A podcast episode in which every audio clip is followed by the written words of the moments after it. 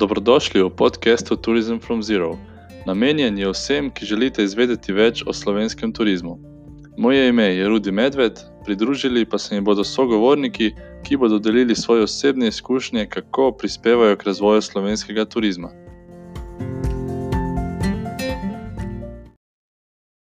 Mateja Kregar Gliha je bila z menoj v že deseti epizodi Tourism from Zero podcasta.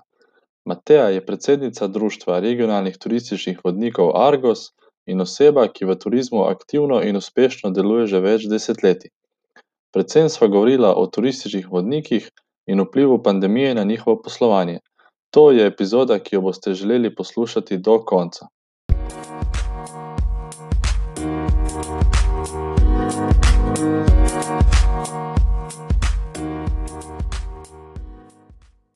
Zdravo, Mateja.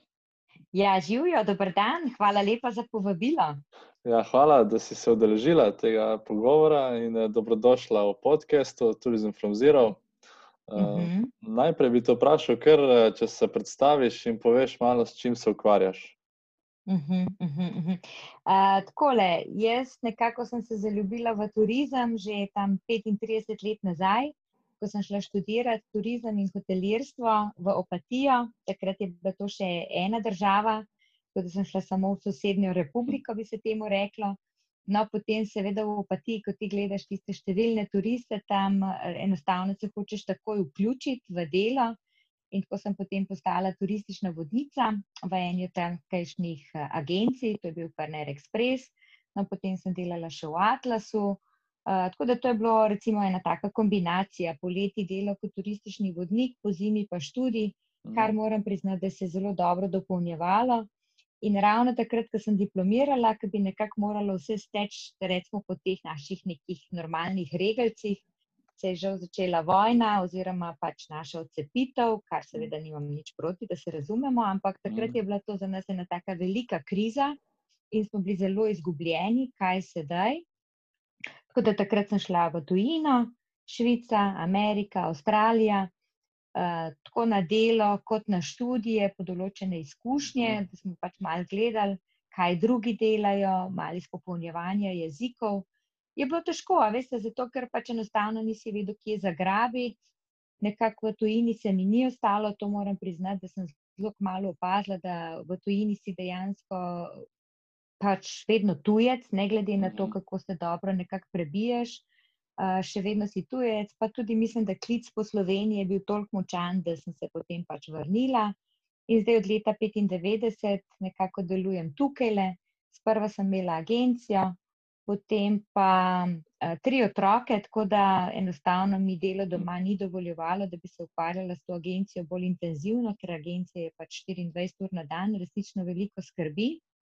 Mhm. No, ampak kakorkoli, potem sem se zelo hitro spet vrnila na teren, uh, začela sem z vodenjem v Ljubljani, pa potem vsako leto nekaj dopolnjevala, določene te licence, ki jih imamo v Sloveniji. 2015. leta sem šla potem na izobraževanje v tujini, da sem postala inštruktorica za izobraževanje turističnih vodnikov, potem postala tudi mednarodna inštruktorica. Da zdaj nekako vse to skupaj kombiniram. A veste, turistični mm. vodnik po Ljubljani, dobro imam licence tudi za uh, Ljubljansko barje, pa za Istro, ne zdaj, ko smo se ravno o turistiki pogovarjali, mečem, pa je preden smo začela. Pa potem vodja poti, a veste, tako angliško, nemško govoreče, ja. ta izobraževanje za turistične vodnike, bomo pa videli, kaj nam bo v prihodnosti prinesla. Se spet eh, zagrebla v tale študij, pa bomo videli. Eh, ja, ker eh, dosti izkušen, res mnogo let v turizmu, sigurno imate veliko znanj, tudi lahko malo primerjate, kako je bilo prej, kako je danes. Pa me zanima, predvsem v tej vaši branži, pri turističnih vodnikih, kako je izgledalo to recimo 20-30 let nazaj in kako danes, če malo primerjate. Mm. Ja, pa veste, uh, kot resnično veliko krat pomislim, kako smo mi to začenjali. In takrat, pred 32 leti, mislim, da smo bili vodniki bolj kot neka enciklopedija. Veste, bolj kot neki taki tehnični podatki so bili od nas pričakovani. Zato, ker če si predstavljate, takrat ni bilo niti knjig v različnih jezikov, jezikih, pa tudi, predvsej so bile drage knjige. Tako da obiskovalci, ki so prišli, so pričakovali od nas neke take bolj tehnične podatke. Medtem ko danes je situacija povsem drugačna, obiskovalci so veliko bolj zahtevni, veliko več pričakujejo od nas na neki osebni ravni, tudi pričakuje, da se mi njim posvetimo, poglobimo, da predstavitev prilagodimo njim, njihovem znanju, vse to ni nič slabega. Mhm. Ampak dejstvo pa je, da je vsaka skupina zahtevna in da dejansko nikoli ne veš, koga boš imel pred sabo, niti kakšno vprašanje ti bo postavil, medtem ko odgovori so pa nekako takšni, da se pričakujejo. Ne, ne bomo mhm. imeli vedno 100% odgovorov, ampak več ali manj pa mislim, da obiskovalci že pričakujejo od nas, da bomo se jim kar precej posvetili. No? Mhm.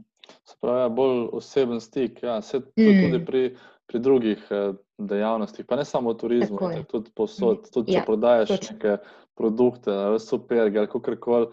Uh, hočeš tako tisto ja. oseben stik ali s podjetjem ali tako. pa s to osebo, ki ti nekaj tako, prodaja. Tako, tako. No, se iz ja. tega verjetno tudi izhaja te zahteve. Veste, ker, če so oni že v svojem poslu tega navajeni, seveda potem tudi, ko grejo na oglede, ne, na potovanje, bodo to pričakovali. Tako da mislim, da je to najbolj, da se čim prej navadimo in temu prilagodimo. Mm. Ja, pa vidite, da, se, da se je večina vodnikov, recimo v Sloveniji, prilagodila tem, da izvajajo vodenje na tak način. A imamo mm. takšne vodnike, predvsem Ma, veste, v Društvu? Ja, ja, ja. Veste, turistični vodniki smo zelo raznoliki, tudi glede jezikov se zelo razlikujemo med seboj in potem tudi ciljne publike ne, so malce drugačne. Tako da, kot ti bo kakšen rekel, ja, jaz jih imam 50 v skupini, a ne, in seveda je tak pristop nemogoč ampak jaz tako pravim, da v tem je bodočnost, tako da prej, ko se bomo prilagodili temu, lažje nam bo. Mm. Ker bodočnost zagotovo ni v skupinah 50 ljudi. Načeloma vam kar povedali, da svetovni trendi gredo tam do skupine 25 oseb, če se pa da, pa kakšna manj, recimo kakšna polovička, 12-13 oseb je pa tako in tako najbolj idealno. Mm. No in potem so to te skupine, ki nekaj takega pričakujejo. Tako da, kot rečeno, vodniki se bomo morali slejko prej temu prilagoditi. No? Ja, se strinjam. Pa se vam zdi, da je zdaj ta pandemija COVID-19, ja. ki je pospešila ta prilagoditveni proces, pa je mhm. malo več zavedanja? Ja, veste kaj, na začetku je bil ta šok kar precej močen oziroma intenziven, tako, tako še težko se je bilo znajti, najprej ne same odpovedi, potem mhm. kaj bom sedaj jaz, smo začeli tudi z nekimi video predvajanji, pa online konferencami, pa tako, in potem že marsikdo, o, pa meni to ni všeč, zato ker smo mrajši ljudi pred sabo. Ampak načeloma, veste, potem s časoma se je vsak, recimo, se spomnim, ko so imeli kolegi tudi odpor do Zuma, pa tako, ne. Mm. Tem, ko danes, če ne upravljaš po kolikih, po treh, štirih mesecih, če ne znaš upravljati z Zoomom, si že staromodan. Ja. Tako da mislim, da nas je tale kriza bolj potisnila iz te neke cone udobja, da smo se malo hitreje zasukali. Uh, in tudi v bodoče bo tako potrebno, zaradi tega, ker svet ne bo nikoli več takšen, kot je bil. Ne? Ja, definitivno bo, res se bo treba še hitreje zmeri prilagoditi. Mm, ker mm, karkoli bo mm. prišlo na novo, pač tudi če bojo ali spremenjajoči se trendi ali pa kakorkoli, mm, vedno se mm. treba prilagajati. Ne? Ker vemo, da ja, turisti se bodo, njihove zahteve se bodo spremenjale. Tako, lejte se že v poslovnem svetu, kdaj, od kdaj je že veljalo, da edina stalnica so spremembe. Mm. Tako da v bistvu je zdaj samo to, kot ste rekli, še hitreje, ne? da je v roku enega meseca, dveh mesecev je treba reagirati. Mislim, načeloma na stanje na terenu je treba reagirati čez noč. Če vam ja. samo primer povem, zdaj le, uh, ko, ko so Nemci dali našo notransko na rdeči seznam, se pravi, da mhm. obiskovalci žal niso smeli v postojnsko jamo, a ne to se nam je zgodilo zdaj le v nedeljo, včeraj, predvčerajšnjim. Uh, a veste, je bil mogoče nek šok, ampak mi smo se morali zasukati, mi smo morali te goste rešiti, mi smo morali za njih nekaj najti, tako konkretnega, da so bili oni še vedno zadovoljni in da seveda bodo tudi potem, ko bodo prišli domov, rekli, ma veste, se je bilo to res težavno, ampak so rešili in super smo se imeli. Ne? Ja, po mojem je to ful pomemben. Ja, okay, mm. Nekaj se zgodi, ampak dajmo zdaj reagirati, pa spraviti, da bodo turisti še vsem zadovoljni, pa da bomo mi imeli, ja. seveda, kaj od tega. Uh, ja. da, ja, In veste, kaj mi je pa pri tem bilo najbolj všeč? Najbolj mi je bilo pa všeč, ker sem se nekako bala, da bo zdaj ta naročnik iz Nemčije, glede na to, da je imel še težave z Tirolsko, ker zdaj je skupina spala na Tirolskem. Uh, sem rekla, evo, najprej naša težava, potem še Tirolska, ne, zdaj bo pa odnehal. Ne, nasprotno, naročnik je samo rekel, smo našli zamenjavo za hotel z Tirolske, bomo spali v Nemčiji, pridemo v četrtek ponovno. Kar Mhm. pomeni, da dejansko so oni, ne glede na to, kako je to velik uh, turoperater, se sukajo, ker vidijo, da je to edini način, da je Mhm. prvič prihodek. In drugo, da, ima, da zadržijo zaupanje obiskovalcev svojih strank. Ne? Ker če bodo oni zdaj začeli odpovedovati, in bo to šla tudi ta snežna kepa njim v negativno smer. Mhm. Če pa se potrudijo, a ne če delajo zdaj le noč in dan, da bodo rešili program, je pa to samo pozitivna stran, da bodo obiskovalci rekli, da ja, ne se oni se vedno potrudijo, vedno nekaj dobrega najdejo. Mhm. Ja, ja, vse to vpliva, ne pol na celo verigo še naprej. In vi, Tako. mogoče, ko ste naredili nekaj dobrega, ste se prilagodili, ste pol s tem vplivali še na njega, pa in tako naprej, ne se širi ta. Tako. Ja, ko pokažeš voljo, veste, ko pokažeš neko idejo, voljo, a ne se danes to ni tako težko. Veste, ker smo takoj na WhatsAppu, je čisto vseeno, je nekdo zdaj v Berlinu ali je ne vem, v New Yorku, mi dva sta direktno povezana. Ne? Mhm. Spremembe se lahko odvijajo recimo v roku dveh ur. Pomembno je, da smo proaktivni, kar pomeni, da dajemo predloge. Ker agent, recimo v Berlinu, ne pozna situacije pri nas, za njih, oprostite, sta Portorož pa Kamnik zelo blizu skupaj.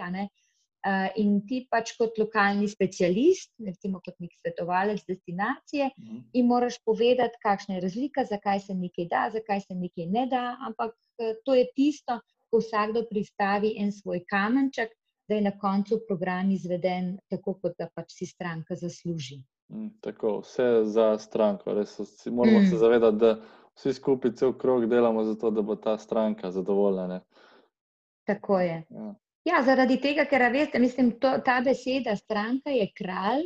Uh, to, to so stranke navajene že iz drugih uh, panog gospodarstva, to, kar ste že vi poprej omenili.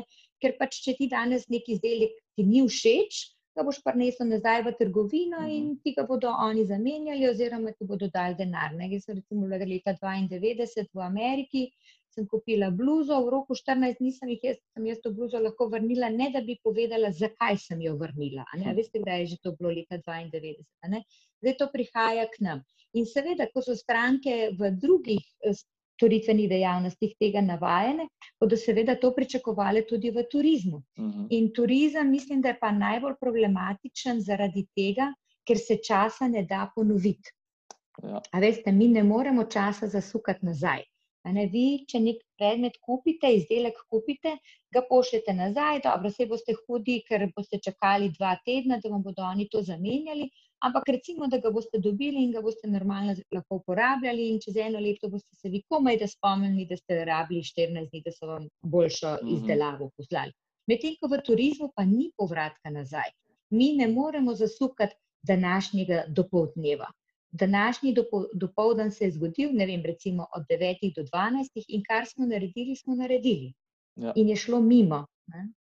Točno to je. Ja. Je pa pomembno, da se bojimo, pol, da se pa vrne. Ne? To pa ja, to pa zelo Mm. vpliva. Ne? Če pa Mm. gost ni zadovoljen, se pa seveda se ne bo, se ne bo odločil, Ja. za, da bo ponovno Ja, obiskal destinacijo. Ja. A veste, če sem Ja. čisto iskrena, jaz si tega nezadovoljstva sploh nikoli v nobenem pogoju ne bi privoščila. Jaz vedno naredim vse, da tudi če zadnjo sekundo, a ne tudi če recimo poskušaš in potem ti šele zadnjo sekundo nekaj uspe, pomembno je, da si se potrudil, da je ta obiskovalec videl, da si res naredil vse, kar je bilo v tvoji mo moči in da si vsaj mogoče delček nje- njegovih pričakovanj zadovoljil, če je bila že neka taka težka situacija, kot sva rekla, nikakor pa da spustiš vse iz roke in rečeš, bože, Mhm. ne, ne bo, zato ker sej dober glas gre v deveto vas, ampak slabši gre pa še veliko dlje, ne? pa hitreje. Ja, to pa res, to pa res. Ne smemo si Mhm. privoščiti, da bi Mm. videl, da se ne trudimo za njega. To, Tako, tako, tako, tako, tako. Eh, Ja, ja, ja. Kakšen vpliv pa vidiš, da ima turističen vodnik na turiste, tako čisti iz destinacijskega vidika, ko pride turist sem, ima vem, v hotelu, ima hotelirja, potem eh, v Mm. restavraciji, na ta, ker so vsi deležniki. Kakšen vpliv ima pa Mm. turistični vodnik? Uh, jaz mislim, da od vseh teh, kar si naštel, turistični vodnik daleč, daleč najbolj pomemben vpliv. Zakaj? Recimo, če je receptor, a ne receptor, njegova naloga je, da gostu pač preda sobo, da bo vse funkcioniralo v sobi, če ne funkcionira, da poveže vse tiste deležnike, ki bojo poskrbeli. Ne to je nek tak tehnični mm. pristop. Natakarjeva naloga, v prvi vrsti govorim, ne govorim pač tista širša naloga, ampak v prvi vrsti natakarjeva naloga je, da tisto, kar je šef kuhinje, se trudi v svojo ekipo, da je naredil, on pravilno predstavi, da se posveti obiskovalcu, da mu predstavi mogoče tudi, kaj bi on lahko za aperitiv popil, kaj bi lahko katero vino. Kaj, veste, ima svojo temo in on iz tega svojega delovnega področja naj ne bi posegal, zato ker. Če pravilno dela, potem niti nima časa, ne, ker se mora toliko posvetiti tem svojim vsebinam, ki so njegova naloga. Medtem ko turistični vodnik je pa potem v tistem delu, ko je mečkano bolj sproščen in je bolj ena na ena. Kar pomeni, da turistični vodnik ima tako možnost predstaviti državo na splošno, destinacijo, zdaj ali je to neka regija, ali je kraj, ali je mogoče muzej, v dejansko v podrobnosti njemu obiskovalcu prilagojeno. Mi pravimo, da se temu pravimo interpretacija, kar pomeni, da tisti predmeti, ki jih mi želimo predstaviti obiskovalcu, oživijo, ampak na ta način, da obiskovalec to razume. To je zdaj ena stvar, to je recimo bolj tako tehnično vodenje. Medtem ko obiskovalci danes imajo izredno veliko vprašanj iz našega vsakdanjega življenja. Recimo, kdaj gredo otroci v šolo, koliko let hodijo v šolo, kdaj se začne prvi jezik učiti v šoli, kdaj drugi jezik, kako je, ko je nekdo na porodniški, ali gre oče lahko na porodniški. A veste, to je toliko vsebin, da dejansko ta dialog non-stop poteka in kot sem rekla, načeloma niti mi na začetku vodenja ne vemo, v katero smer bo to teklo, zato ker bo pri situaciji na terenu nam narekovala, kako bo to potekalo. Vse so določene mm. točke, recimo, če jaz pač rečem v Ljubljani, ki jih ne smem spustiti ne vem, preširno trg, Tromostov je tržnica z Majskim most, mestna hiša, mhm. Ljubljanski grad in tako. Ne? Ampak, a veste, vmes se pa dogaja še en kup stvari, ker mesto živi in te, ti dogodki ob nas nam narekujejo našo interpretacijo. Mm, ja, se pravi, turistični vodnik res mora če, če tako plastično povemo, vedeti kar vse.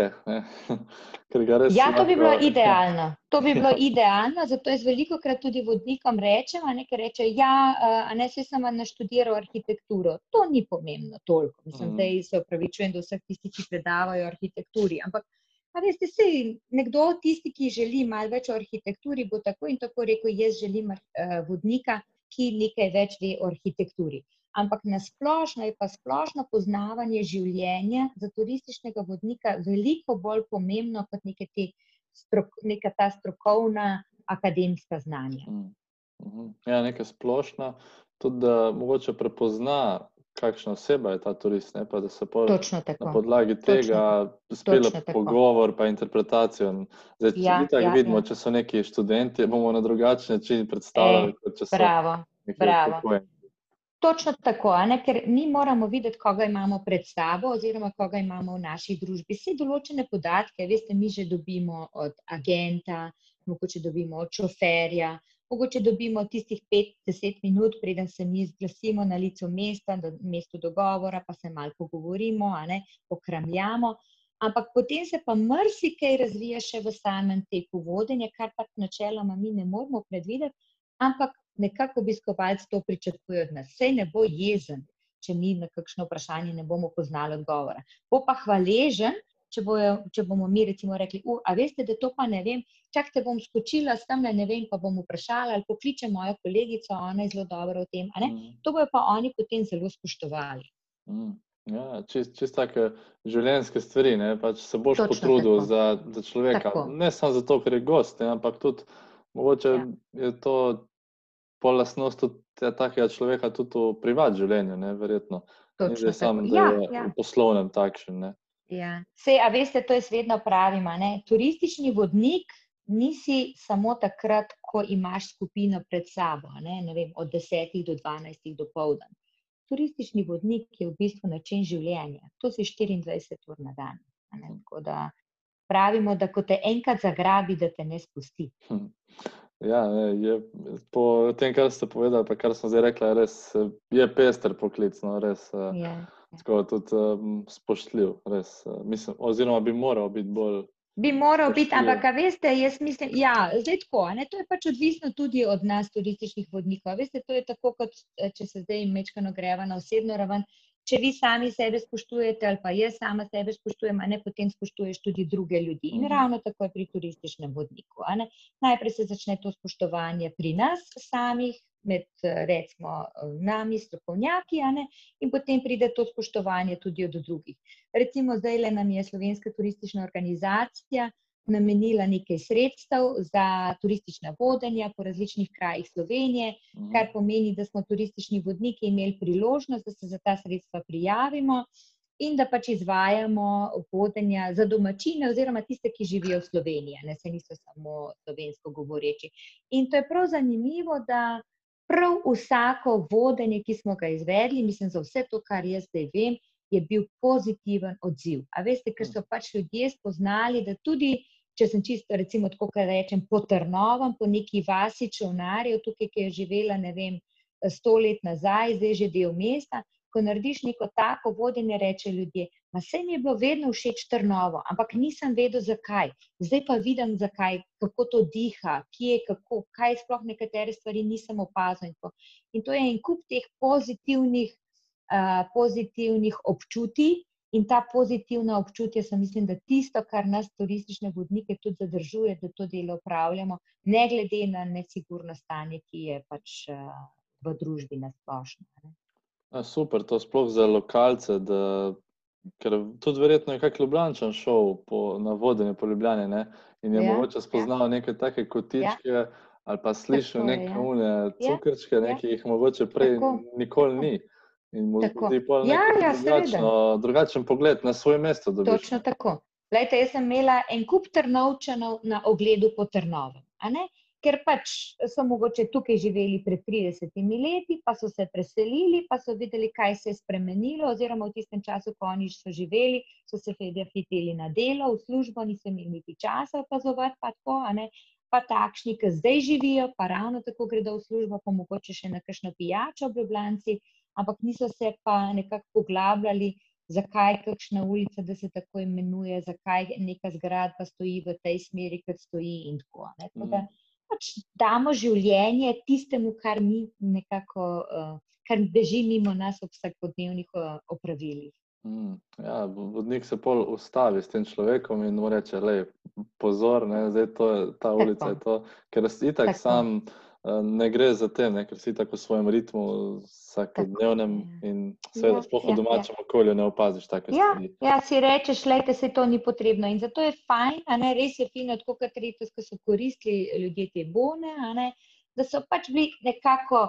Ne bom rekla prisiljeni, ampak tako prijetno prisiljeni, da koristijo počitnice v Sloveniji, in pač so odkrili kraje, v katere mogoče sami nikoli ne bi šli na počitnice, ampak na koncu ugotovili, da je vse to čudovito. Mm.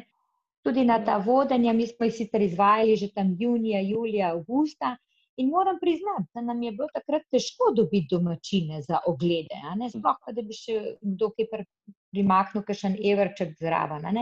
Medtem, ko zdaj, zdaj je pa odgovor povsem drugačen. Zdaj pa reče, o, tole je pa res vredno tega denarja. Tako da, da, da, da se spremenjamo. Veste, tako kot ste me prej vprašali, če se stvari spremenjajo, se spremenjajo. mm, ja, super, da se res. Tudi ja, je lepo ja. slišati, no, da so res zadovoljni. Um, mm. ja. Mislite, da se mm. bo tako malo um, spremenila ta mentaliteta, da bomo tudi šli drugo leto na vodenje, kakšno mm. po Sloveniji? Mm -hmm. Ja, zdaj eh, tako. No, mi nekako upamo, tako, da 21. februarja je mednarodni dan turističnih vodnikov, tako da v tistem času po celi Sloveniji tako in tako organiziramo brezplačna turistična vodenja, ki so tako malce promocijska, in potem nekako si želimo, ne, da nekdo, ko praznuje ne vem, rojstni dan ali pa podjetje, ko želi eh, pogostiti svoje uslužbence, da se odloči za neko tako vodenje in potem še mečkano nadaljuje s svojim praznovanjem ali v kakšni restavraciji, v domači gostilni in tako.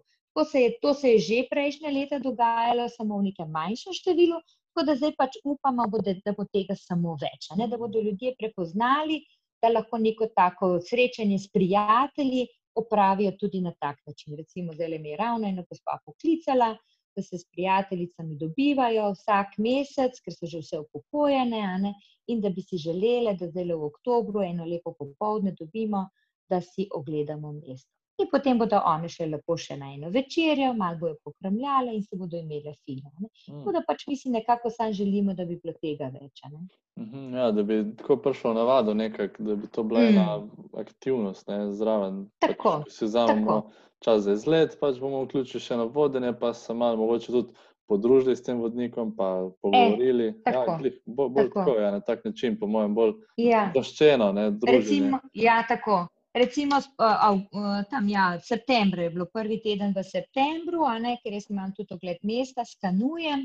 Je prišla ena mlada družinica, očka in mamica sta morala delati, sta bila v službi, a ne hčerkica je tudi prišla iz šole, ni še imela teh nekih domačih nalog in tako.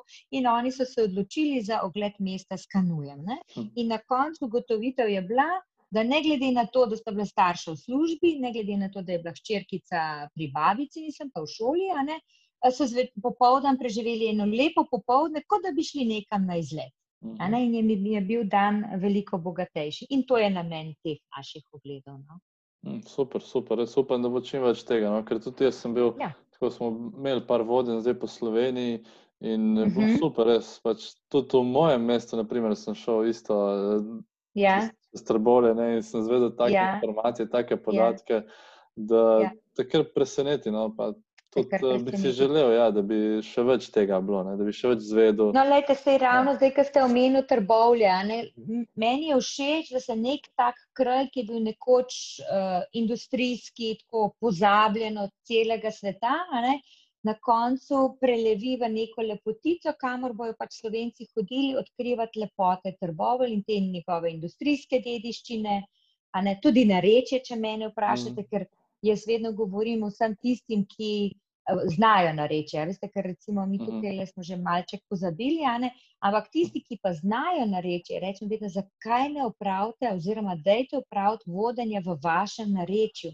Ker to, to. vodenje v narečju je ravno tako doživetje. A veste, bolj mm -hmm. kot gledanje neke zgradbe, mestne hiše, ki jo pač itak imamo v vsakem mestu.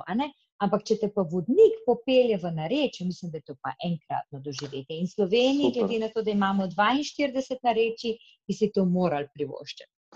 To je glih to, kar ste imeli, me je tudi navdušilo ne, in je pol dobra zadeva. Zato, ker glih uh, dva tedna nazaj smo imeli ne, turiste tukaj um, v Trbovljah in uh -huh. smo mhm. peljali do pravega rodarja. Ne. Prav rodar jih je uh mhm. -huh. pričakal pred rudnikom in je govoril res o tem pravem narečju in čisto. Ja tiste besede uporabljal, ki so jih takrat uporabljali rodari, ne? te mm -hmm, tako niso bile vse mhm. lepe.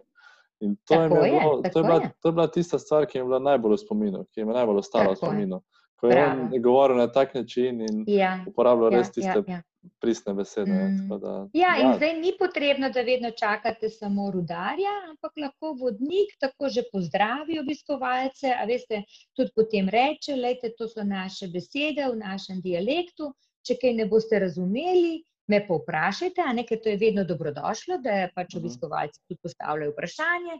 Me vprašajte in potem ti lahko ponovno odgovoriš v tem dialektu, in recimo, da še vedno ne bi razumeli, a ne mogoče na te pokažeš, a veste, in šele potem tretjič, da ti poveš po slovensko. Ker, a veste, vsak, eh, ki gre na ogled, se želi tudi nekaj naučiti. Mi pravimo temu, da hoče biti intelektualno vključen, ne, ne da sledi tam kot neka ovca, vsite izrazu, ne, od mhm. točke A do točke B, ampak da ga nekako intelektualno izzovemo, da tudi on potem začne razmišljati, da se nekaj novega nauči in potem mogoče tudi, ko pride domov, kaj spremeni v svojem načinu življenja. Ne. Ja, zato tudi potujemo. Ne? Tako je, ja. zato tudi potujemo in mislim, da je potovanje resnično pomembno, zato ker o, vsi, ki potujejo, a ne mislijo dobro. A veste, včasih smo rekli, kdo poje zelo ne misli, jaz bi rekla, kdo potuje zelo ne misli. Ne? Mm. In uh, tipičen primer za to je bilo zdaj, ko so naši fanti zmagovali na Tour de France, pa še ni bilo končna zmaga, ampak še v tem času, ko so tako odlično vozili. A veste, mi smo dobivali obvestila iz Amerike, iz Avstralije, iz Danske in Švedske. Hej, Mateja, se me spomniš, s tabo smo bili tri leta nazaj, sledimo Tour de France, je dobra fanta. A razumete? Ja. Se pravi, da tisti, ki so bili pri nas v Sloveniji, nas ne bodo nikoli pozabili, če so seveda pač doživeli nekaj lepega. Ne? Upam, da se ne bodo nas zapomnili po nečem grdem, ja. ampak recimo, ne? A veste, vsi so bili navdušeni in vsi so si obujali tiste spomine na Slovenijo. In prav en par iz Kalifornije je obujal spomine, zraven je bil sin, ne, ki je to gledal, ta sin je pač nam 40-50 let star. In je rekel, da takoj, ko bo imel malo več časa, bo on tudi prišel na počitnice v Sloveniji, ker sta bila starša tako navdušena.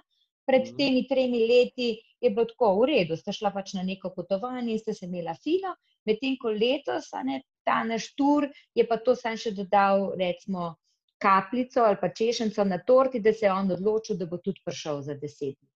Tako da uh, to, to je ta pozitivna stran uh, potovanj. Ja, ja, se strinjam. Prav je to, da te, da te navduši, pa tudi da ti pa druge navdušuješ naprej, ne? če si seveda zadovoljen. Ja. Ja, ja, ja, ja. Sej tudi turistični vodniki, a veste, sej mi se moramo tudi udeleževati ogledov, ker mi potem mm. vidimo, kaj funkcionira in kaj ne funkcionira. Ne? Ker uh, mi, ko sami predstavljamo, v redu, pač se nam mogoče zdi, da smo to naredili fino. Ampak, potem mi vidimo neko sliko v ogledalu svojega kolega, pa potem vidimo, da mogoče kje pa le malo preveč, opustite, težimo, ne? nekje pa bi mogoče lahko malo več poudarili, oziroma vidimo, da nas več zanima. Ne? Mhm. Tudi vodniki se moramo udeleževati v vodenih ogledov. Mhm. A je to potem tudi naloga društva regionalnih vodnikov, katerega predsednica ste vi? Uh -huh. Uh, Mislim, da je ogled, mis, ja, druženje ogledi. In uh, učenje eno drugega. Ja, seveda, ne, ker um, ja, to je v bistvu ta strokovna izmenjava. Ne. Eh, recimo, zdaj, le, ko so ta vodenja organizirana, to, to, to smo mi že junija, pa julija, ne, smo tudi vodniki drug drugega uh, obiskovali, se spodbujali, tudi kakšne teme, če so bile recimo za vodenje, kdo bi še kaj naredil, a ne to je pač to ideje kar padale. Medtem, ko zdaj recimo vemo, da bo kar nekaj vodenj šlo tudi online, se pravi, da bodo ta virtualna vodenja in pomoč oziroma pač glavni del eh, je, da obvladaš neko Zoom aplikacijo. Mhm. In to mi potem vadimo. Veste, organiziramo recimo Zoom večerna srečanja, Zoom izobraževanja. Tako da ima vsakdo možnost, da med svojimi kolegi razširi tisto neko svoje znanje, ki ga obvlada. Hkrati pa tudi vadi na uporabi uh, tehnike. Mhm. In tukaj se mi zdi, da si mi lahko veliko pomagamo. Mm, super. Drugače, mm. pa tudi um, prek spleta je bilo veliko tega. Ne? Naprimer, Airbnb Experiences je dal mm online experience. Tako je. Tako je, tako se mi ja. zdi, da je bilo ful popularno. Pa mm -hmm. je mhm. bilo tudi iz uh, naše strani, slovenske, kaj takega organizirano. Uh, jaz mislim da, je, zdaj, mislim, da je kolegica imela, zdaj le vem, da je ta Airbnb to mečkano zaustavil, zato ker v tujini je Airbnb Experience dovolil, da se izvaja tudi nelicenciranim vodnikom. In so potem neke te mednarodne organizacije bile precej proti, ker sploh, če je treba licenco imeti za vodenje, a ne je to nedovoljeno. Ampak na koncu koncev vem, da pač, ko se prijaviš na Airbnb, samo daš številko licence in potem oni uh, odobrijo in se lahko kaj izvaja. Je pa res, da zdaj le uh, zdaj je to še mečkano v zastoju, mislim pa, da bo po zimi, v zimskem času tega mečkano več, zato ker neko online vodenje oziroma virtualno vodenje je odlična predpriprava na potovanje. Ne, tako da nekako pričakujem, da ko bodo ljudje želeli, eh, ko bodo razmišljali, kam bi šli na pot, v kater konc sveta, da bodo radi pogledali, če kdo izvaja kakšna virtualna vodenja, se tega udeležili in potem se odločili, kam bi dejansko v resnici potem tudi šli. Ful dobro opažene, ja, predpriprava na, mm. na, na prave počitnice. Mm -hmm, bojo tako, dejansko raziskovali in mm -hmm. to je pa tisto, ne, ki niso več tako, da bojo samo slike pogledali, pa malo Tako, ja. opise, bojo tudi hoteli Mhm. neko živo predstavitev kraja. Tako je. Ja. Tako je. Ja, žel, veste, zelo, veli, mislim, veš, zelo veliko krat ljudje hočejo tebe slišati, samo da vidijo, kako ti govoriš tu jezik. Ne? Ker včasih se zgodi, da so rekli, da se je bil vodnik tako prijazen, pa tako, ampak mi ga nismo nič razumeli. Ne? In Mhm. potem kakšen reče, ja, bi jaz najprej se s tabo po telefonu pogovoril. In potem sedaj, seveda, pride v poštev tudi ta slika, gibljiva slika, video. Se pravi, to je tisto, kar sem poprej rekla, vedno bolj zahtevno. Mhm. Včasih je bilo dovolj, da si sam poslal, ja, ja, v redu, se dobimo tam, pa Hm. tam ob desetih, zdaj je pa te predpriprave veliko več kot pa samega vodenja. Ja, predpriprava, na koncu na vodenju pa v bistvu moraš sam, kot smo že rekla, ti ta oseben stik. Ne? Tako, tako. Potem je pa samo še tista pika na i, tako da v bistvu ti on, ta obiskovalec, pride že kot nek star prijatelj, ne, ker ste se že toliko bila na liniji prej, zdaj pa da to še v resnici pogledamo, se tukaj še malo sedemo ob Ljubljanci, sonček, pomladni čas, kozarček vinčka, kavico, ne. Uh, in seveda, da mi to v živo zdaj vidimo, kako to zgleda pogled z Ljubljanskega gradu, kako zgleda utrip na Preširnovem trgu, ne vem, Piranu, Tartini. A ne, tako, a veste, Mhm. da, da pač dejansko on nekako že svoje pričakovanje stopnjuje do samega potovanja. Mm, Ja, se je verjetno samo to potovanje, ok, se je spremenilo, ampak bolj kot to se je pa spremenil ta proces, ne, da pridemo, kako pridemo do Ja. potovanja. Sploh Ja. zaradi tega, ker smo bombardirani z vseh strani na Ja. družbenih omrežjih, vidimo Ja. toliko lepih destinacij. Ne. Mhm. Zdaj, kako se odločiti? Ne, in, um, to, to verjetno je, kdo je pol v tem procesu bolj učinkovit. težko. Ja, tako izredno težko. Jaz bi rekla, da je najlažje s to ustno propagando oziroma s priporočilom, tako kot je nekoč bilo, a ne, kot smo že rekli, ja, ampak to traja veliko časa. Ja. Tako da v tem mravlišču, da te nek obiskovalec najde, to je že zmaga. Mm, Ja, se zato so ful pomembne te eh, promocije, ki nas naprimer v Sloveniji objavljajo v vseh raznih člankih. Ne. Mm, To, mm, to mm. verjamem, da zelo, zelo prispeva. Ne. Sej gre pa to počasi, res, da Ja, ja, ja. se zavedanje vzbudi pri turistih. Se zavedanje zbudi. Ja, veste, recimo zdaj sem imela zopet to, uh, te obiskovalce iz Nemčije in eh, je gospa rekla, da je gledala neko oddajo uh, na nemški televiziji. eh, Naslov je bil Wun- Wunderschön, se pravi čudovito, lepo. No, in v eni od teh oddaj je bila predstavljena Ljubljana, pa je bil predstavljen, v drugi oddaji je bil pa predstavljen Piran in tako je ona to videla, je rekla, zdaj pa jaz sem moram iti. ne, In je potem pač blokirala ta program, ki je bil na voljo. ne. Tako da v bistvu, veste, vse, kar delamo, vse, kar delamo, je dobro. A ne, Ja. ker nikoli ne veš, kje je to učinkovito. Zanimivo je, da so tiskani mediji, katere smo mi zdaj z neko to digitalizacijo dali na stranski trg, za našo ciljno publiko, zdaj pač mojo ciljno publiko, a ne konkretno, izredno pomembni. Zato, ker ti ljudje, recimo 55, 60 plus, oni še vedno zelo veliko berejo časopisa, Mhm. članke, neke take strokovne revije, uh, poljudne revije. In vse to, kar je napisano v teh člankih ali pa narejeno v neki taki kvalitetni oddaji, njih še vedno pritegne. Seveda mlajše, recimo tvoje starosti, pa to zagotovo veliko bolj neki Facebook objave, YouTube in to. Ampak govorim pa, da uh, je odvisno pač, katera je tvoja ciljna publika. No, čisto Ja, čist, čistko, čistko. Ja. Ja, ja, je ja, pa ja, ja, ja. politik tvoja prednost, velika prednost, ne, če pa res kvalitetno izvedeš to eh, fizično promocijo, ne, se pravi na Mhm, raznih člankih, uh mhm. po pa zelo veliko lažje dosežeš to svojo publiko, ne, kot če bi se zdaj Seveda. neki trudil, pa z digitalizacijo njim približeval, ne, svoji Ja. publiki. Moraš Saj se to smo mi-. Ja, to smo mi v juniju videli, ne, ko smo začeli z vodenji in smo jih pač uh, potem promovirali preko Facebooka, Facebook oglasov, odziv ni bil tako dober. Potem smo pa napisali par člankov v tiskane medije in julija je bil povsem drugačen odziv. Zakaj? Zato, ker pač tista ciljna publika, ki rada hodi na takšne oglede, ki smo jih mi organizirali, pač bere časopise. ne. Hm, Ja, ja, pol, Ja. Ne, ne smemo pozabiti ne, na te medije. Ne, sigurno ne, ne, ne. Ja, odvisno pač na kaj se fokusiramo, na Tako, kaj se tako. kdo fokusira. ne. Jaz bi si želela, da se pač Slovenija fokusira na praktično vse, ampak zato potem pa tudi sredstev zmanjka. Ne? Ker ti enkrat, ko začneš to po kanalčkih deliti, ne vem, za družine, za pare, za mlade, a ne recimo samske potnike, pa potem tiste starejše, potem se ta sredstva kar razpršijo, ne? potem načeloma za vse zmanjka. Tako da ja. ni enostavno, to promocija ni enostavna. Ne, ne, sigurno ne. Pač, težko je zbrati, pa se res v to. Mm.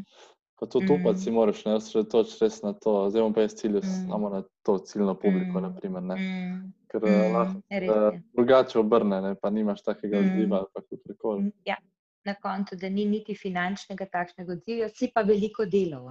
Ja, ja, to, to pa časa in truda vložil. Kakršna ja, koli ja, ja. promocija ja. zahteva res uh, dosti uh, truda. No. Pa, to je v bistvu tisto, kar mi šele sedaj spoznavamo. Ker smo se prej pogovarjali o turističnih vodnikih. Prej so se turistična vodanja, recimo pač za tujce, ne predajala kar sama po sebi.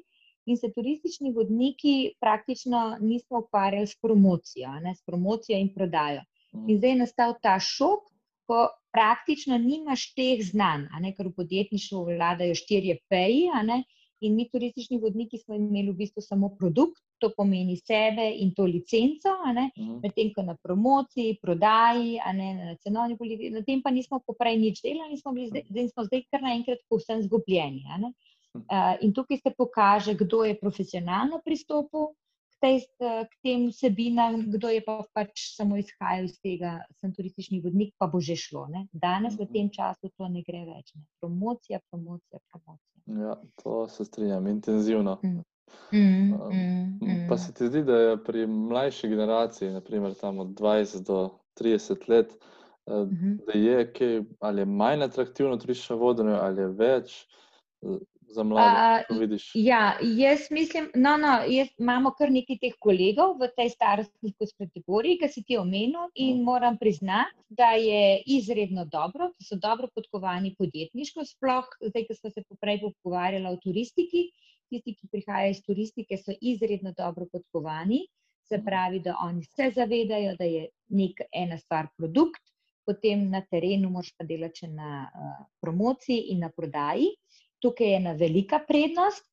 Um, je pa tako, da seveda pri turističnem vodenju ti nikoli ne veš, kaj bo jutri, in je to neka taka nestalnost, ki, za katero se ljudje težko odločijo. Mm. Tako da marsikdo bi rekel, ja, bom šel rajši v službo. Ki pa ni rečeno, da te bo tako naredila tako srečnega kot neko turistično vode. Ne? Tako da je v ja, bistvu ja. spet uh, vprašanje od vsakega posameznika, koliko je avanturista. Ne? Ja, po mojem, je glih to, koliko, si, mm. koliko res obožuješ to. Mm, ker mm, ker mm. vidim, da trično vodenje pač res moraš, res moraš to imeti rad. No? In res zelo rad, ker če ne, jaz ne vidim, da bi nekdo bil. Dober vodnik. No, predvsem, no, ja, predvsem, predvsem moraš imeti, imeti rad človeka. Ker če človeka nimaš rad, oziroma če ti grejo na živce, potem je bolje, da sploh se ne ukvarjaš s temi vsebinami, niti da poskušaš delati licenco, zato ker se non-stop ukvarjaš samo s človekom, z vsemi tistimi pozitivnimi in hkrati negativnimi stvarmi človeka, ne človeške uh mhm. -huh. plati. Tako da to je prvi, prva stvar, ki uh, se nekdo mora vprašati, ali mi je to všeč. Smo imeli že tudi primere, ko je bil nekdo morda po karakterju interventiran, ampak je potem skozi turistična vodenja postal bolj odprt in je zaživel. Tako da mhm. tukaj je bolj vprašanje te smelosti. Je pa tako, no, to pa tudi vedno nekako poudarjam, da ne bi slučajno nekdo mislil, da se od turističnega vodenja 100% da živeti. Recimo v Jugoslaviji nismo mogli biti turistični vodniki, če nismo obvladali dveh tujih jezikov. Zakaj?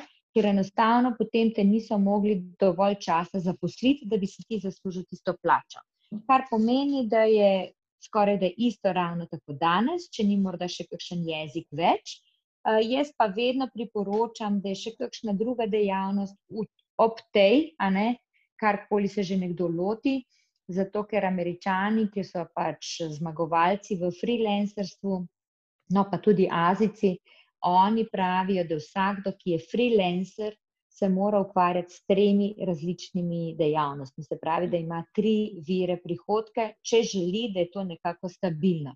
Zdaj, recimo v krizi, se je pokazalo, da mora biti pet virov mhm. prihodka, kar pomeni mečkam tukaj, mečkam tam, ne glede na to, glede na situacijo. Seveda je to zahtevno, to je zahtevno. Ja. A, in tudi ni potem nekega tega sedem, eh, recimo 40-urnega delovnika, ne, ampak mm. sej, kdor se spravi v podjetniške vode, mislim, da že sam ve, da 40-urnega delovnika ni, a, da, da si zmagovalec takrat, ko rečeš, no, v nedeljo pa jaz ne bom delal, a ne v nedeljo pa meni ni treba delati. To je že ena taka velika zmaga, do katere mogoče prideš po nekih 15 letih. Tako, tako. Ja, ja, se strinjam. Pač ne moreš pričakovati, ne, da boš delal res samo teh 8 ur. Ampak vse mislim, da to pri, pri moji generaciji že ni več to samo umevno. Ja. Mislim, da ja. že vemo, pač, da, bo, da bo treba ja. imeti uh, več tako, virov, da bo treba se dati na malo ja. več strani, malo več učiti. Naprimer, popovdne, tudi če nehaš delati, ne, se, pravi, se bo šel ja. še vseeno nekaj učiti, tudi ja. če nisi več v ja. šoli. Ja. Ja, to ja, zavedanje ja, ja. se je spremenilo. No, se je spremenilo, zdaj se pač jaz tukaj le edino, uh, edino jaz tako pač rečem, da, da to mi je izredno všeč, zato dejansko uh, tvoja generacija, mislim, da s tem ne bo imela težav. Uh, si pa želim, ne, da bi uh, kljub vsemu našli še nekaj časa zase, pa za družino, zato ker to je pa na koncu koncev tisti osrečujoči faktor. Ker uh, se pa zgodi, da mogoče je nekdo do 50. leta sam nekaj vlagal v nek posel, nekaj delo, je šlo življenje mimo, uh mhm. -huh. potem pa pri 50 letih ugotovi, da je sam. Uh, vem, brez družine, mogoče še starši obnemogli, in tako je potem nekako bolj, recimo, temu nesrečen. Ampak to je bolj z tega socialnega vidika. Ja, ja. Tako da Eh, nimam nič proti, jaz pravim vedno tako, da enega 32, 33, ne vem pač, da se zmišljujem leta, ne, je mhm. že fino, da nekdo intenzivno dela, ne, tudi da si ustvari mogoče še celo kakšno rento, ker v tujini je to kar, uh, kar pogosto, ne, da si že kar vsakdo sam ustvari neko rento, da potem v tistih časih krize človek lažje preživi in da ni toliko v stresu, ker ja. člo, človeka ubija negativni stres, človeka ne ubija pozitivni stres, ampak negativni stres. Ne. Ja, točno to. Ja, moramo, moramo hmm. paziti, da razmišljamo no, tudi na ta socialne vidike. Tako je. Tako je. Ja, ne ja, samo ja, delo, ja. ampak tudi malo zabave. Ja. Ja, tako, tako, tako. To pa v turizmu itak eh, moramo umeti. Brez tega ne gre. V turizmu, če se ne zabavaš, je bolje, da ne delaš v turizmu. Ja, prav tako. Ja, ja, ja, ja, ja. Uh, super. Veš, kaj me te še eno vprašanje bi ti dal, ki ga tudi vprašamo naše goste in ki tudi uh, Tourism from Zero uh, že od aprila zbira odzive uh mhm. -huh. raznih deležnikov, kot veš, uh, kako zaštartati turizem po pandemiji. In me zanima, uh mhm. -huh. kak je tvoj pogled na to, recimo, uh, kako drugo leto, če se bo, upajmo, zaštartalo. Uh -huh. um, kako, uh -huh. kak je tvoj pogled? Ja. Uh, kar se mene tiče, ne zaštartati takrat, ampak zaštartati danes. Ne? Se pravi, da naslednje leto, spomladi, bo že prepozno. Treba je delati na sebi, se pravi, da vsakdo pri sebi naredi neko tako, mi pravimo, svoj analizo, a ne v čem sem jaz dober, kaj so moje pomakljivosti mislim, da je izredno veliko možnosti, da se izobražujemo na internetu, a ne danes ni potrebno, da potuješ že na en faks ali pa na nek tak tečaj, lahko že veliko narediš preko interneta, uh, da se izpopolniš v nekih teh sodobnih tehnologijah, se pravi, da neko zoom srečanje ne predstavlja neke težave, uh mhm. -huh. potem tudi telefone, da obvladaš, ker danes je eh, pisarna praktično kjerkoli in telefon opravi vse od sprejemanja naročil do izdajanja računov. Uh, zdaj mi, vodniki, recimo, uporabljamo telefone tudi kot audio uh, pripomočke, se pravi, da mi, recimo, kot zdaj, le, ne imam mhm. slušalke, govorim v telefon in ta preko teh signalov se prenese zvok na telefon mojega udeleženca, ima svoje slušalke, kar je seveda zdaj v času COVID-a, ko so higijenske razmere maksimalno zahtevne. Uh, da tudi on potem mene posluša, se pravi, da to se lahko že v tem času uh, pripravimo. Potem, če nekdo ne vem, oddaja neke sobe, ne, da je dejansko tehnološko najbolje opremljeno, da se potrudi, da nekdo, da v tem času poiščemo, kaj je ta naš unikum, s katerim se bomo na, trg, na trgu pojavili. Nikakor se ne sme pozabiti na neka, ne, neke live, live objave, zato da mi non-stop imamo našega bodočega obiskovalca v napetosti, da ga Mhm. non-stop malo tako izzivamo, da bo on rekel, ma zdaj pa končno, zdaj pa je zdaj pa tole v redu, zdaj pa jaz moram iti, zdaj pa jaz moram to k vam priti, ne. in seveda, da še mogoče razmislimo, kaj bi bil še tisti drugi, tretji vir prihodka, s katerim bi mi se svojo situacijo nekako ublažili, ne. Tako da za mene ne bo začetek turistične sezone naslednje leto, to bo samo tisto vračilo prihodka, vračilo našega vložka, ki se mora pa zdaj že začeti, zdaj v tem času, ne. Če smo pa mladi, ne, tako mogoče tvojih let pa to, bi pa rekla kar v tujino pa malo pogledati, kako še kje drugje delajo, kaj delajo dobro, kaj delajo slabo.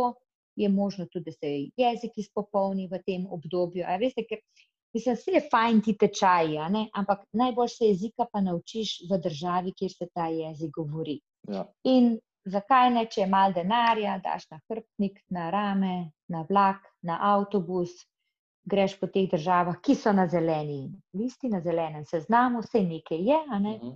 in dobivaš nove izkušnje, ker vsaka izkušnja te pa izpopolni. Se strinjam in zelo dobre nasvete si dala, res, predvsem za mlade. In tudi, da moramo zdaj reagirati res in ne čakati, Ne kaj bo drugo čakati, leto, ne. kaj bo drugo leto, ja. Ampak Ja. zdaj, zdaj. Zdaj, se potruditi, zdaj. ja.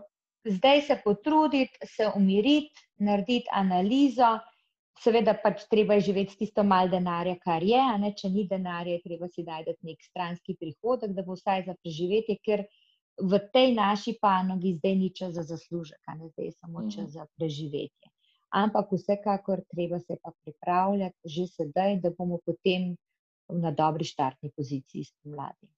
Ja, se strinjam. SWOT analiza, vsi zapisati Mm. in da, Ja, da ja, ja, leto, ja. ja, ja, res, Ja, res. ja, ja. Ker nekateri se kar, kar nekako še zmeraj hočejo se izpopolnjevati v nekih stvareh, kjer so že dobri. Ampak potem trg jih pa ne najde, zato ker so šibki v neki, recimo v promociji ali pa v prodaji. Se pravi, če smo tam šibki, mi moramo se fokusirati na prodajo in promocijo, ne več na tisto znanje, ne, zdaj, če smo recimo pri turističnem vodenju, ne. Mhm. Tisto, kar nas prinese na trg, ker nihče ne bo drug poskrbel za nas, kakor mi sami, no. Ja, res je. Pa tudi vidim, da, ti nisi, nisi samo zdaj kar tako govorila to, ampak da tudi si že začela sama te stvari izvajati. Sem videl vaše Ja, ja. posnetke na Youtubu, Ja, tako da ja, pohvalno, ja, ja, res, ja. tako Pač ni poskušamo, saj, saj nismo nič posebenega, ampak poskušaš in vidiš, da potem ljudje tudi to spoštujejo, tudi če nisi profesionalec, ne. Mhm. Ampak poskušaš, vidiš odziv, dobiš izkušnje in potem imaš možnost, da si naslednjič spet majčkeno boljši, ne. Točno to, poskušati in, gledati odzive ljudi. Tako. Ja. Oni povedo, kaj rabijo, ne, tudi obiskovalci, oni nam bodo povedali, kaj je v tistem trenutku trend. Mi Tako. bomo nekaj si mislili, ampak obiskovalec nam bo pa konkretno povedal, kaj si želi, ne. Ja, realnost na terenu je pol drugačna. Tako je, ja. In tista je ta prava. Tista je ta prava, na, na tej moramo delati, ja. Tista, tista prinaša denar. Mi lahko delamo kakršnekoli raziskave, če nas nekdo za to plača, krasno, če pa ne dobimo za to plačila, se je pa treba osredotočiti na tisto, kar nam bo prineslo denar. Ja, na realnost. Tako. Ja, super, Mateja, res odlično. Jaz se ti zahvaljujem, no, za tale pogovor. zelo poučen se mi zdi, sploh zaradi zavedanja, kaj so turistični vodniki, kakšna so vodenja in, tako, mislim, da res, dosti izobraževalnih vsebin za marsikoga. No, me prav veseli. Predvsem hvala lepa za povabilo, krasen pogovor. Če pa kdo rabi kakšno pomoč, nasvet, pa lahko daš moj email, pa se potem, Seveda. slišimo privatno. Seveda, spodaj bomo objavili tudi, vaše društvo, vaše kontakte, tako da vas bo lahko kdorkoli kontaktiral in upam, da vas bo. No, krasno. Se prav veselim. Hvala lepa za povabilo, Mateja, ja. hvala lepa. Ja, srečno, živjo. Lep dan, dio. Hvala vsem, ki ste poslušali današnjo epizodo. Če vam je podcast všeč, ga prosim delite naprej na vaših družbenih omrežjih. Prav tako vas vabim, da se pridružite in sledite iniciativam Tourism from zero in Locals from zero, ki imajo pripravljeno ogromno zanimivih in koristnih vsebin s področja turizma. Se slišimo v naslednji epizodi.